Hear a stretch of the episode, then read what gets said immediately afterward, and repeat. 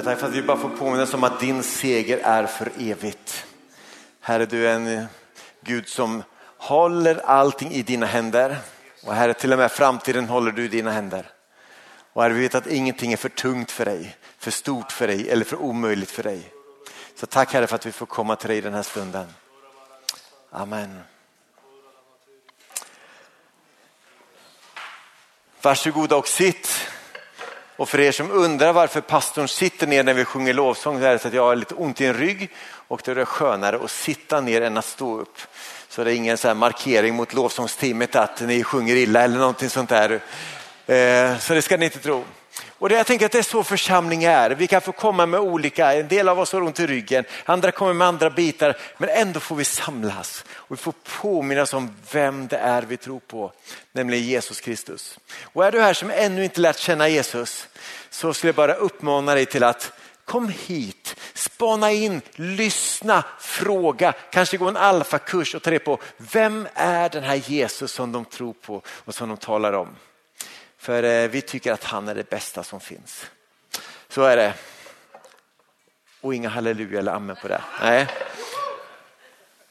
Vi har en eh, predikoserie nu under fem söndagar och Fredrik talade förra veckan och är du här Fredrik så tack. Eh, gå gärna in och lyssna på den på nätet ifall du inte hörde den. Och för två veckor sedan började jag att tala och jag citerade Dagens Industri, denna andliga tidning. Eh, och eh, läste därifrån ett antal citat hur man ser på hur det var för den första romarriket när det föll samman och likheter mot idag. Så missar du det så kan du också gå in och lyssna på vår Youtube-kanal. Och Det är lätt att man börjar fråga sig den här saken. Vart är världen på väg när man ser på nyheterna? Just nu har vi återigen krig i Europa. Ungefär fem och en halv miljoner ukrainare har flytt landet. Vi har ett klimat som blir allt varmare och uppvärmningen av vår jord går fortare och fortare. Vi har länder som Jemen, Sudan och Somalia som just nu står inför en svältkatastrof som vi det var länge sedan vi kunde se något liknande. De har torka, de har svält och de har också flera länder här har krig. Och I Sverige idag så har vi inflation, vi har en hög ränta, vi har livsmedelspriser som bara blir dyrare och dyrare. Men om vi tror att det drabbar oss så får vi nog tänka igen. För om, även om maten skulle bli dubbelt så dyr i Sverige så tänkte jag det är det som blir också globalt. Och för har man då bara en eller två dollar att leva på då blir det katastrof för stora delar av vår värld. Och de hundratals miljoner som idag inte kan äta sig mätta kommer att mångdubblas. När Bibeln talar om den sista tiden så är det uppenbart att det är inte Sverige som den sista tiden liksom handlar om. När man liksom tänker på att vad är det som ska hända i framtiden så är det inte Sverige som är fokus. Utan i Bibeln så kan vi läsa om att den sista tiden som vi talar om i den här serien, det, det är mycket mer belagt ner till Israel och länderna runt i Mellanöstern. Och jag tror att det är där vi ska ha våra ögon när vi talar om den sista tiden. Men med dagens informationsflöde som finns så kommer vi vara med, väl medvetna om allting det som sker runt om vår jord. Så att vi kommer absolut ändå att kunna hänga med. Men det är förvånansvärt mycket som står i Bibeln om den sista tiden. Och ganska stora delar av Bibeln handlar faktiskt om vad som ska hända. Och det går inte att läsa Nya Testamentet utan att få den här känslan av att okej, okay, det är någonting som ligger framför oss. Och det är någonting stort som ligger framför oss. Men det som man också liksom slås över när man läser i Uppenbarelseboken och andra texter om sista tiden, det är att det utmanar oss också. Därför att Bibeln vill förbereda oss för de tider som kommer. Och för oss i väst som lever ganska bekväma, trygga liv så kan det här talet bli lite skrämmande, lite hotande. Det kan störa vår trygghet, vår bekvämlighet och alla våra planer som vi har lagt upp för vår framtid. Men då finns det en Gud som säger så här, att jag har faktiskt framtiden i mina händer. Så det bästa sättet vi kan förbereda oss för framtiden är att lägga våra liv i hans händer. Och det är viktigt att tala om det, att, att, eh, allt det talet om sista tiden. Det handlar inte om liksom att slutet på allting. Det handlar om finalen på Guds räddningsplan. Det är där han liksom säger att nu ska jag dra ihop alltihopa och någonting bra ska komma. Någonting nytt. Och det här trasiga som vi ser idag ska ta slut för att någonting mer fullkomligt ska få komma istället. Därför är talet om sista tiden alltid fullmatat också av hopp av förväntan och av glädje. Och då kan man bara ställa sig frågan, lever vi i den sista tiden nu då? På ett sätt har man ju faktiskt sagt så i 2000 år. Eh, så att det, det, är lite så här att kan man säga att vi lever i sista tiden? Ja faktiskt, för om man ska lyssna på både på Jesus och på Petrus och på Paulus så säger de att, att vi lever i den sista tiden även om den har pågått i 2000 år. Och vi vet att oavsett om Jesus kommer komma om 10, 50 eller 200 år så vet jag en sak med helt övertygad säkerhet. Vi är närmare idag än vad vi var igår. Visst är det sant? Ja. Och det innebär att vi kan få lyfta blicken och säga att vad är det som ska hända? Att även om vi inte kommer stå mitt i det så behöver vi vara medvetna om Därför att historien har en tendens att upprepa sig själv. Och Det viktiga är inte i Bibeln liksom att säga att är du redo den dagen han kommer? Utan den ställer en annan fråga. Hur har du levt i väntan på att han kommer? Det är en mycket viktigare fråga. Flera av liknelserna handlar precis om det här. Som säger att det var en herre som var iväg en lång tid och under tiden och sen så berättar han vad hans tjänare eller vad hans liksom, familj gjorde under tiden. Och när Bibeln talar om, om liksom framtiden så frågar han inte hur ska du leva en gång i framtiden utan han frågar hur lever du nu? Hur ser ditt liv ut idag? För att möta bättre en morgondag Eh, vi kommer läsa kanske ett av eh, Bibelns mest omdiskuterade kapitel idag. Uppenbarelseboken kapitel 13. Vill du få en djupare liksom, studie över Uppenbarelseboken så har vi på vår Youtube-kanal sju stycken avsnitt, sex stycken avsnitt där jag, där jag håller ett bibelstudium om Uppenbarelseboken och sen fick vi en gäst i Mikael Telbe på det sjunde avsnittet och vi talar, liksom repeterar lite då. Så att gå gärna in och lyssna på det. Men när vi talar om vart världen är på väg så är Uppenbarelseboken en bok som vi absolut behöver gå till. Och I Uppenbarelseboken så kan vi se att den sista tiden eller framtiden det kommer innebära stora förändringar för hela världen. Och Det är ganska tydligt att man ser det talas om sju sigill, sju basuner och sju vredeskålar. Det är ett väldigt rikt liksom, eh, målande språk som används. Men i det här språket så talas det ändå om att hela vår värld, vår natur, vår, våra hav, våra floder och hela skapelsen kommer att påverkas framöver. Det kommer bli torka, det kommer bli svält och det kommer bli sjukdomar och inte minst kommer det få konsekvenser för Guds folk, både Israels folk som Gud fortfarande inte är färdig med och de, sin församling. Men faktiskt alla människor kommer att påverkas. Och därför när man läser framtidsberättelser som finns i Uppenbarelseboken så blir det lite av en förväntan att, okej Gud, är jag redo för det här som ska komma? Och mitt i det så får då Uppenbarelsebokens huvudtema som målas upp som beskrivs som att Gud, han är både allsmäktig och han är helig allsmäktig, att han har faktiskt all makt i himlen och på jorden. Och han har inte tappat kontrollen. Och att han är helig betyder att han är allt igenom god. Och att han håller på i sin allmakt att knyta ihop det bästa inför det som kommer. Och det kommer sluta med ett himmelskt bröllop. Alltså Bibelns framtidsvision, vad som väntar, den är fantastisk. Den pekar fram till en bröllopsfest där vi ska få fira tillsammans med honom.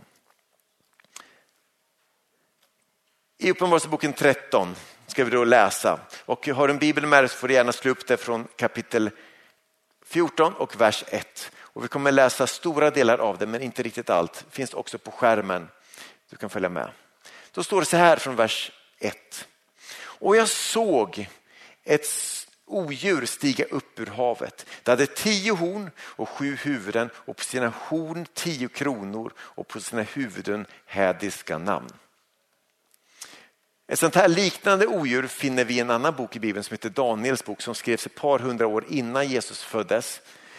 Och I den boken så beskrivs en sånt här och där får vi också förklaringen. Där beskrivs att det här kommer vara ett kommande världsrike. Och det här världsriket, i det så står hornen för flera olika kungar eller makthavare eller, eh, eller länder. Så här kommer alltså, han ser en form av nytt rike, världsrike som ska komma fram på, på eh, världsarenan. Och så står det så här, odjuret som jag såg liknade en leopard och dess fötter var som en björn och dess gap som gapet på ett lejon. Och draken, det vill säga djävulen, gav det sin kraft och sin tron och stor makt. Det handlar om ett rike med stor makt, med stort inflytande och det verkar som om det sker en någon form av världslig kraftsamling där man ser en större global enighet att få samlas. Lite liknande där vi redan sett under eh, romarrikets tid när man samlade stora delar av den då kända världen under ett och samma rike och under en och samma ledare. Och så fortsätter det stå så här. Ett av dess huvuden såg ut att ha fått ett dödligt hugg. Men det dödliga såret hade läkts och hela jorden, om det nu är varje enskilt land eller om det är stora delar kan vi ju lämna. Men hela jorden greps av beundran för odjuret och följde det. Och man tillbad draken för att han hade gett odjuret makten. Och man tillbad odjuret och sa, vem är som odjuret. Vem kan strida mot det? Som är liksom en parodi på det som ängeln Mikael, som är en av Guds änglar heter. Han heter Vem är så som Gud? Och här frågar man, vem är som odjuret? Djävulen gillar att kopiera. Och det verkar finnas en beundran hos folket som sen resulterar i en tillbedjan. Både av det politiska systemet men också av dess ledare. Från vers 7 läser vi sen. Det här odjuret fick rätt att strida mot de heliga och besegra dem. Och det fick makt över alla stammar, länder och språk och folk. Och alla jordens invånare ska tillbe honom. Var och en som inte från världens skapelse har sitt namn skrivet i livets bok hos lammet som blir slaktat, det vill säga Jesus. Alltså tänk att Gud har en bok där det står mängder med namn på människor som ändå ska få fira en bröllopsfest tillsammans med honom. Vet du att när vi berättar om honom, om Jesus, så kan fler och fler namn få skrivas in i den boken. Därför att Gud, han vet, han har all makt. Gud vet, han har kontroll och Gud längtar efter att alla människor, alla människor ska få upptäcka vem han är. Gud har inte bara ratat ett antal personer, ah, men de där gillar jag inte, utan han älskar varje människa. Och han vill att alla människor ska få chans att få höra om honom och få lära känna honom. Och lite tidigare i Uppenbarelseboken står det om en stor vit skara som ingen kunde räkna. Alltså det är ju, i, i världen idag kan vi, vi kan ju räkna fall till 7-8 miljarder eller hur många vi är på jorden. Alltså tänk, tänk att se en skara som ingen kan räkna. Och där ska jag få stå en gång och du ska få, kan få stå där en gång. Så det här kommer vara någonting som gäller alla folk. Och sen så står det så här. Sedan, för, för sen började det beskrivas ett annat odjur. Det första fanns där men så började det komma upp ett annat odjur som istället liknade ett lamm. Det var inte ett lamm men det liknade ett lamm. Det här odjuret står det förför jordens invånare med de tecken som de fått rätt att göra i odjurets åsyn. Och det här som omnämns här nämns, namnges senare som den falska profeten. Och sen kan vi se hur det här odjuret, det här globala maktsystemet som, som har makt också kommer att få makt över det ekonomiska systemet där det står så här. Och det ser till att alla höga och låga, rika och fattiga, fria och slavar får ett märke på högra handen eller på pannan och att ingen kan köpa eller sälja utan att ha märket, odjurets namn eller talet för namnet. Och här skriver då han, behövs vishet.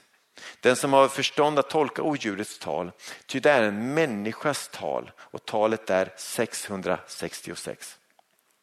Det här kapitlet, den här texten är kanske den mest omdiskuterade och diskuterade, i alla fall, eh, ja men det är det nog, under många tider. Och man har undrat vad står det här för? Vad är det här för någonting? Och vi ska faktiskt inte stanna i enskilda ord och sånt här just nu. Eh, vi gör det lite mer i, en, i bibelstudierna. Men om man bara tar ett steg tillbaka från den här texten så ser man att det här kommande världsriket det kommer att ha fyra liksom, kännetecknen. Det kommer att vara ett politiskt system. Det står att odjur fick makt att härska, alltså det kommer att ha makt och inflytande. Det kommer vara någon form av religiöst system därför att det står att man började tillbe både själva riket men också den som regerade. Och Det här är väldigt likt det vi kunde se i romarrikets tid. Det var, ett, det var ett stort rike och där fick man inte säga vad man ville om staden Rom. Definitivt inte om dess härskare, kejsaren. Han titulerades både som herre men också som Gud. Och man fick be till kejsaren, man fick böja knä och om det i framtiden innebär att man ska börja knäppa händerna och be till någon, det vet jag inte, men att man böjer knä, man böjer sig under och låter någon annan få bli herre över ens liv. Kan, vi kan också se att det här var, kommer att vara ett ekonomiskt system. Vi läste att ingen kunde köpa eller sälja utan det. Och om kommer vi se att det är ett globalt system. Det är någonting som gäller, det står alla länder, alla folk, alla stammar och alla invånare. Och grejen är den att jag tror inte att när det här inträffar så kommer det vara speciellt så uppenbart ont. Det kommer inte vara så att Åh, nu kommer det onda här. Jag tror att man kan läsa om att folket faktiskt hade förväntan. Man beundrade det här nya som kom. Man tyckte att det här är något bra som dyker upp på världsscenen. Det här är det mest fantastiska och man, därför börjar man tillbe det här och beundra det. Till och med den världsledaren som kommer leda det här som Johannes i sina brev kallar för antikrist. Jag tror att det kommer kännas sunt. Det kommer kännas sympatiskt. Det kommer kännas ganska logiskt. Det kommer kännas tolerant och det är ganska meningsfullt. Och kanske just därför så uppmanar Jesus så tydligt att leva vakna, att leva nyktra och att leva redo. Och jag, jag vet inte om ni brukar ibland lyssna på radion och lyssna på, på P1. Det finns något som heter Spanarna. Har ni lyssnat på den någon gång? Tveksamt. Lyssnar ni inte på P1? Det är den bästa av kanaler som finns. Ja. Ehm, I alla fall eh, där då gör man så olika framtidsspaningar. jag tror att det kan gå så här. Jag skulle vilja göra lite framtidsspaning. ta inte det här som profetiska tilltal utan se det som Niklas bristfälliga spaningar. Men jag kan ändå se ett antal saker som sker i världen just nu där röster höjs för att faktiskt se att något annat behövs än vad vi idag ser. Både på det globala, på det politiska och ekonomiska området. För det första är klimatet en sån fråga. Vi vet och vi har fått rapporterna ganska ofta att vi står inför stora förändringar. Utsläppen av växthusgaser påverkar vårt klimat. Många tycker att det går för långsamt. Enskilda länder kan sätta sig på tvären och säga att Nej, men vi vill inte vara med i det där. Och någonstans så har vi inte i världen idag handlingskraft nog att ta itu med det här problemet på egen hand. Och min spaning är att det kommer att höjas röster för att FN eller någon annan liknande organisation får mandat att faktiskt sätta press på länder att göra förändringar. Och då kanske du tänker, och det är väl bra? Ja, det är väl bra. Min andra spaning då. Jag tror att efter covid-19 eller om det kommer någon ytterligare våg så kommer vi göra en summering av vad det här har kostat världen. Man räknar idag att kostnaden för covid-19 kan räknas i tiotusentals miljarder dollar. Våra statsskulder i västvärlden skjuter i höjden på grund av det här. Vi, drar, vi kommer in i en skuldfälla som frågan är, kommer vi ur den? Och det här, kostnaden för en pandemi har varit så stora. Men definitivt har påverkat något annat också. Det är nämligen vår värld. Globalt lidande. Vi har backat nästan tillbaks till rutan noll när det gäller FNs millenniemål. Att få bekämpa fattigdom, sjukdom och att låta människor, barn gå i skolan. Och min spaning är att det kommer höjas röster att få se en, vi behöver vi behöver bli bättre rustade för att hantera sådana här saker. Vi behöver veta vilka som är vaccinerade, vi behöver veta vilka som har rätt att åka från det här landet till det här landet. Vi behöver, vi behöver få en bättre koll på människor så att inte sådana saker sprider sig på det här sättet. Och det är väl bra? Ja, det är väl bra. Eller? Det tredje, min spaning då, det är att jag blev ganska uppmärksamma på det när vi, när vi lyssnade på radion för ett tag sedan här. Det kriget i Ukraina har nämligen gjort oss uppmärksamma på ett problem.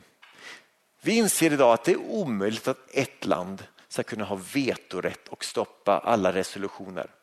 Faktiskt tog Vladimir Zelensky han tog upp just det här när han talade till FNs generalförsamling för ungefär en månad sedan. Han sa att det är dags nu för FN att agera. Ni måste göra någonting nu. Och om ni inte har kraft och mandat att göra det nu så låt oss skapa något nytt. Och vi kan placera centrum för det i Kiev, sa han. Och det är väl bra? Ja, det är bra. Tänk en handlingskraftig organisation som inte riskerar att lamslås av ett land utan som kan verka för fred på jorden. Och min fjärde och sista spaning som egentligen inte är så mycket spaning för att Bibeln talar faktiskt om att i sista tiden så kommer det bli krig i Mellanöstern. Länder runt Israel kommer attackera Israel och det kommer ha religiösa förtecken och vi kommer, kommer se som ett religiöst krig. Och min spaning är då det blir att det kommer höjas röster som säger att men vi kan inte ha religioner som krigar mot varandra. Vi kan inte ha en massa religiösa som lever i konflikt och titta på historien hur religionen alltid orsakat krig och lidande. Vi kan inte tillåta det. Vi behöver bromsa det här och vi behöver säga att religioner de ska inte få sprida sina budskap varken med krig eller med propaganda eller med reklam, mission eller evangelisation. Och i det här så kan jag ändå säga att jag tycker att vi idag ser tendenser på det som vi kan få se och läsa om i Uppenbarelseboken. Dröjer Jesus 10, 50 eller 200 år? Det vet jag inte. Men jag tycker ändå att det finns saker som vi behöver faktiskt vara vakna för. Ha blicken på och ändå tänka att Gud, vad gör du i den här tiden? Men framför allt, hur lever jag i väntan på det? När man sen fortsätter läsa kapitel 18 så beskrivs det om hur det här odjuret, den här politiska makten hamnar i konflikt med någonting annat, nämligen skökan Babylon som är det ekonomiska maktcentret. Och odjuret ges i strid med skökan Babylon och störtar det. Och det står att skökan Babylon då, har gjort alla världens köpmän rika, alla världens kungar rika och nu gråter man och man suckar över att ekonomin föll samman. Men vet ni vad det står att Guds folk säger när detta sker? Ja, det är faktiskt enda gången i nya testamentet som det ordet finns med. Halleluja. Det finns fyra gånger här. Därför att när ekonomin brakar samman då säger Guds folk halleluja. Eller för att citera Händel, halleluja. Börsen förlorar sitt värde och våra pensionspengar går upp i rök. Halleluja. Och man kan börja att vad är det för knäppskallar som sjunger så när, våra, när jag inte längre kan få min sommarstuga på den där platsen som jag längtar efter när jag ska gå i pension. Och det är för att i de tiderna så kommer man att förstå att när det här händer då kommer han snart eller för att citera Jesus, när ni ser allt detta hända, vet du att han är nära utanför dörren. Och vi behöver påminnas om att det här den sista tiden beskriver finalen på Guds räddningsplan. Gud har hållit på i sedan världens skapelse och människan föll i synd som Fredrik talade om förra fred, eller söndagen. Hela från skapelsen har han hållit på att säga, hur ska jag kunna rädda mänskligheten? Hur ska jag kunna upprätta den här världen? Hur ska jag kunna ta slut på det lidande, den här förgängelsen som finns i den här världen? Och han har planerat för att skapa en ny himmel och en ny jord. Och han vill befolka den himlen och den jorden, inte med nya människor utan med oss. Han är inte ute efter att bara bort med de gamla, in med de nya. Han vill skapa av oss nya människor. Han vill flytta in med sin ande in i våra liv så att vi kan få lära känna honom här idag och vi blir på så sätt förberedda för en tid som kommer och det nya riket. För eh, två veckor sedan när jag predikade så bara slängde jag ur mig tre meningar. Jag skulle avsluta med dem också idag och säga någonting mer om dem. För då sa jag så här att vi behöver som Guds folk, vi behöver hålla oss nära Jesus och vara ett bedjande folk. För det är de som lever nära Jesus som kommer vara bäst rustade för att möta vad än framtiden har att ge. Och vi behöver bli medvetna om att vi ensamma inte är starka. Att stå ensam i en sån tid kommer inte funka. Därför behöver vi varandra och därför tjatar vi om smågrupper i den här kyrkan. Att haka på en smågrupp, var med tillsammans med några andra som du kan be tillsammans med. Som du kan bära i bön och när det blir tufft och livet kör ihop sig då finns det några som alltid säger, men du, då ber vi för det. Ensam är inte stark och jag utmanas av det här att bli en bedjande, att be mer. Och det här är en, att få stå tillsammans med andra och be. Att ha ett bedjande folk kommer behövas. Därför att det är där vi lär känna Gud och vi lär känna hans röst. Det andra som jag sa för två veckor sedan är att vi behöver hålla oss till ordet och vara ett bibelläsande folk. Att läsa Bibeln, att mata sig med Guds ord, det gör någonting med oss. Det gör oss vakna och det gör oss nyktra. Och Bibeln det är Guds ord och det är levande och verksamt. Och när jag läser det här så händer det någonting med mig. Och om du är kristen och du har varit kristen en lång tid och du vet att när den här boken har fått samla damm, det gör någonting med dig, eller hur? Men när du tar upp den här och läser den så sker det någonting med våra hjärtan. Guds ord förvandlar. Guds ord gör saker i våra liv. Därför att vi läser inte Bibeln bara för att få mer kunskap. Vi läser för att Gud ska få tala till mig. Att hans levande ord ska få finnas i mig. Och det behöver vi i det som ligger framför. Och just nu så vet jag många länder, länder som både Kina, Iran och Somalia bland annat, då de kunde googla fram och hitta, där man faktiskt väljer att lära sig Bibeln helt utan till. Och i en församling kan man säga att du tar Matteus, du tar Markus, du tar Lukas, du tar Hesekiel, du tar Habakuk och så lär man sig memorera dem utan till för att den dagen som vi inte längre får ha en bibel så kan vi bara säga okej okay, vi ska läsa från Habakuk 3 idag. Så pekar man, ja så börjar han att läsa. Därför att det behöver komma in i våra liv. I många delar av världen så är det så att man inte ens får äga en bibel. Och här återigen är den lilla gruppen här. Tänk att få läsa Bibeln tillsammans med andra och få ställa sig frågan, vad säger Gud till oss idag? Vad står det? Och vi läser inte som jag sa först och främst för att få mer kunskap om Gud. Har du den synen på Bibeln att jag läser för att jag ska få veta mer om honom så behöver du förändra. Vi läser för att Gud ska få chans att tala till oss. Att han ska få verka i oss. Att det sen ger oss också kunskap om vem Gud är, det är en fantastisk bonus. Men tänk att Gud kan få tala till oss genom sitt ord. Och det sista jag sa då för två veckor sedan är att vi behöver bekänna Jesus som Herre.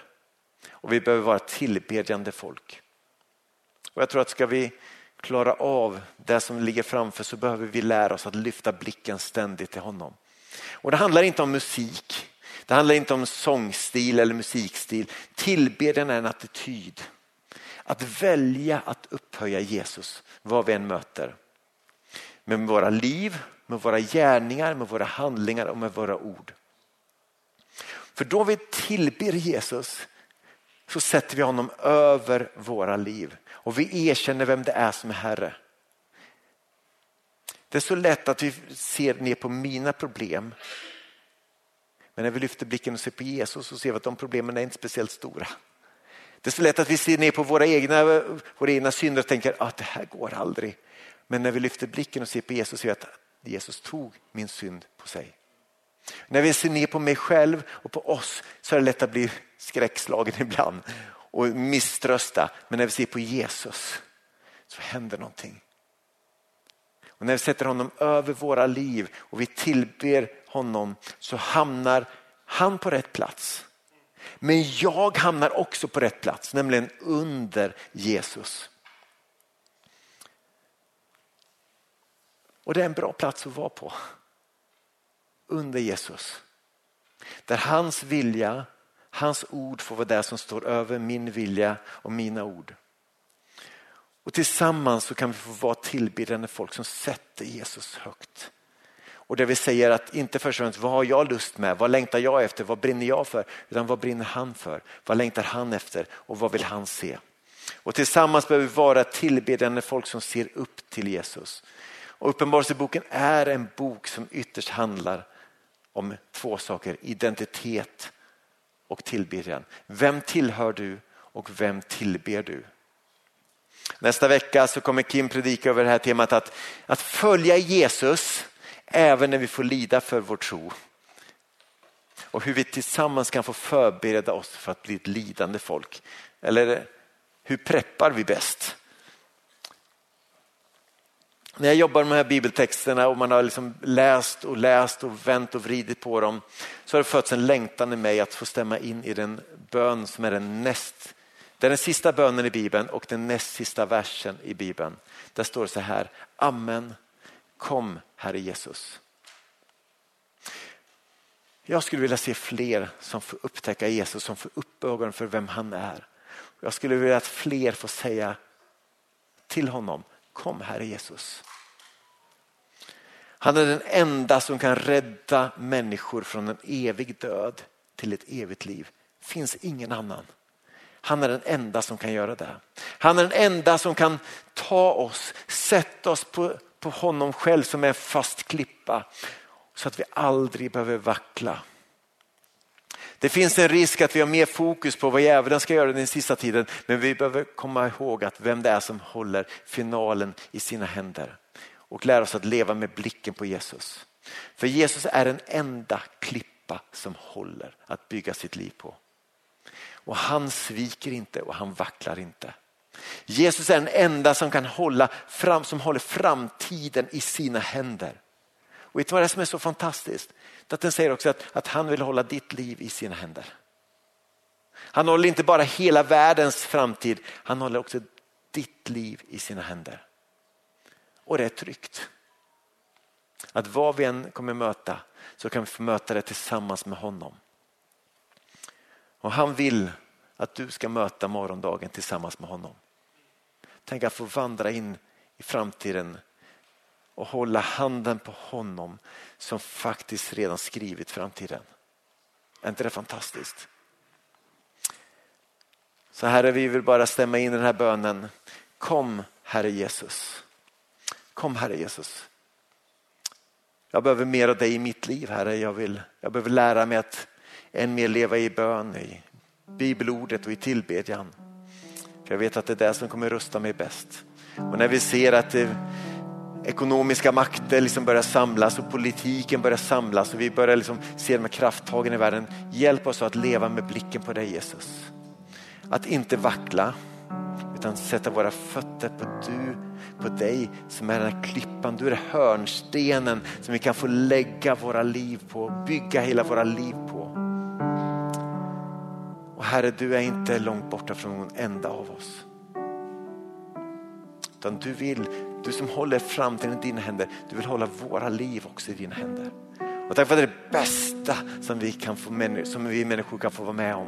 Att få lägga vårt liv i dina händer. För det är tryggt. Jag ber för de här inne som ännu inte har, kanske än har sagt sitt ja till dig Jesus. Jag ber att de just nu i den här stunden skulle få säga sitt ja till dig. Och Herre, när vi eh, snart kommer sjunga en sång av tillbedjan, Herre, om att det är du som är vår hörnsten. Herre, vi ber att vi skulle få verkligen få stämma in i den sången av hela våra hjärtan. Att du är klippan, du är hörnstenen som vi får bygga allt på. Och en dag när domsbasunens ljud, ljud är, då vet jag att vi kan bli funna hos dig.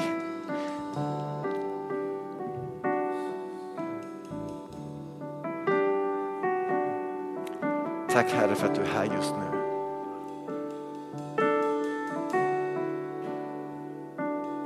Tack för att du är här just nu. Du känner våra liv utan och innan. Du vet var vi befinner oss, du vet vilka tankar vi har. Du, vet. Du, vet, du ser också hur vår relation med dig ser ut. Du ser de av oss som behöver ta tag i den relationen på nytt. Där, där, vi, där ditt ord har fått börja samla damm eller vi ber men vi tycker att det är som ett stängt tak. Det, det når inte upp någonstans. Herre, kom och blås liv med din heliga Ande just nu. Herre, blås liv Herre in i våra hjärtan. Kom heligande. Ande. Vi behöver mer av dig. Vi behöver mer av dig. Herre, hjälp oss att leva i väntan på det som ska komma. Låt oss leva i väntan på det sätt som du vill. Låt oss leva redo, vakna, nyktra och med förväntan. Amen.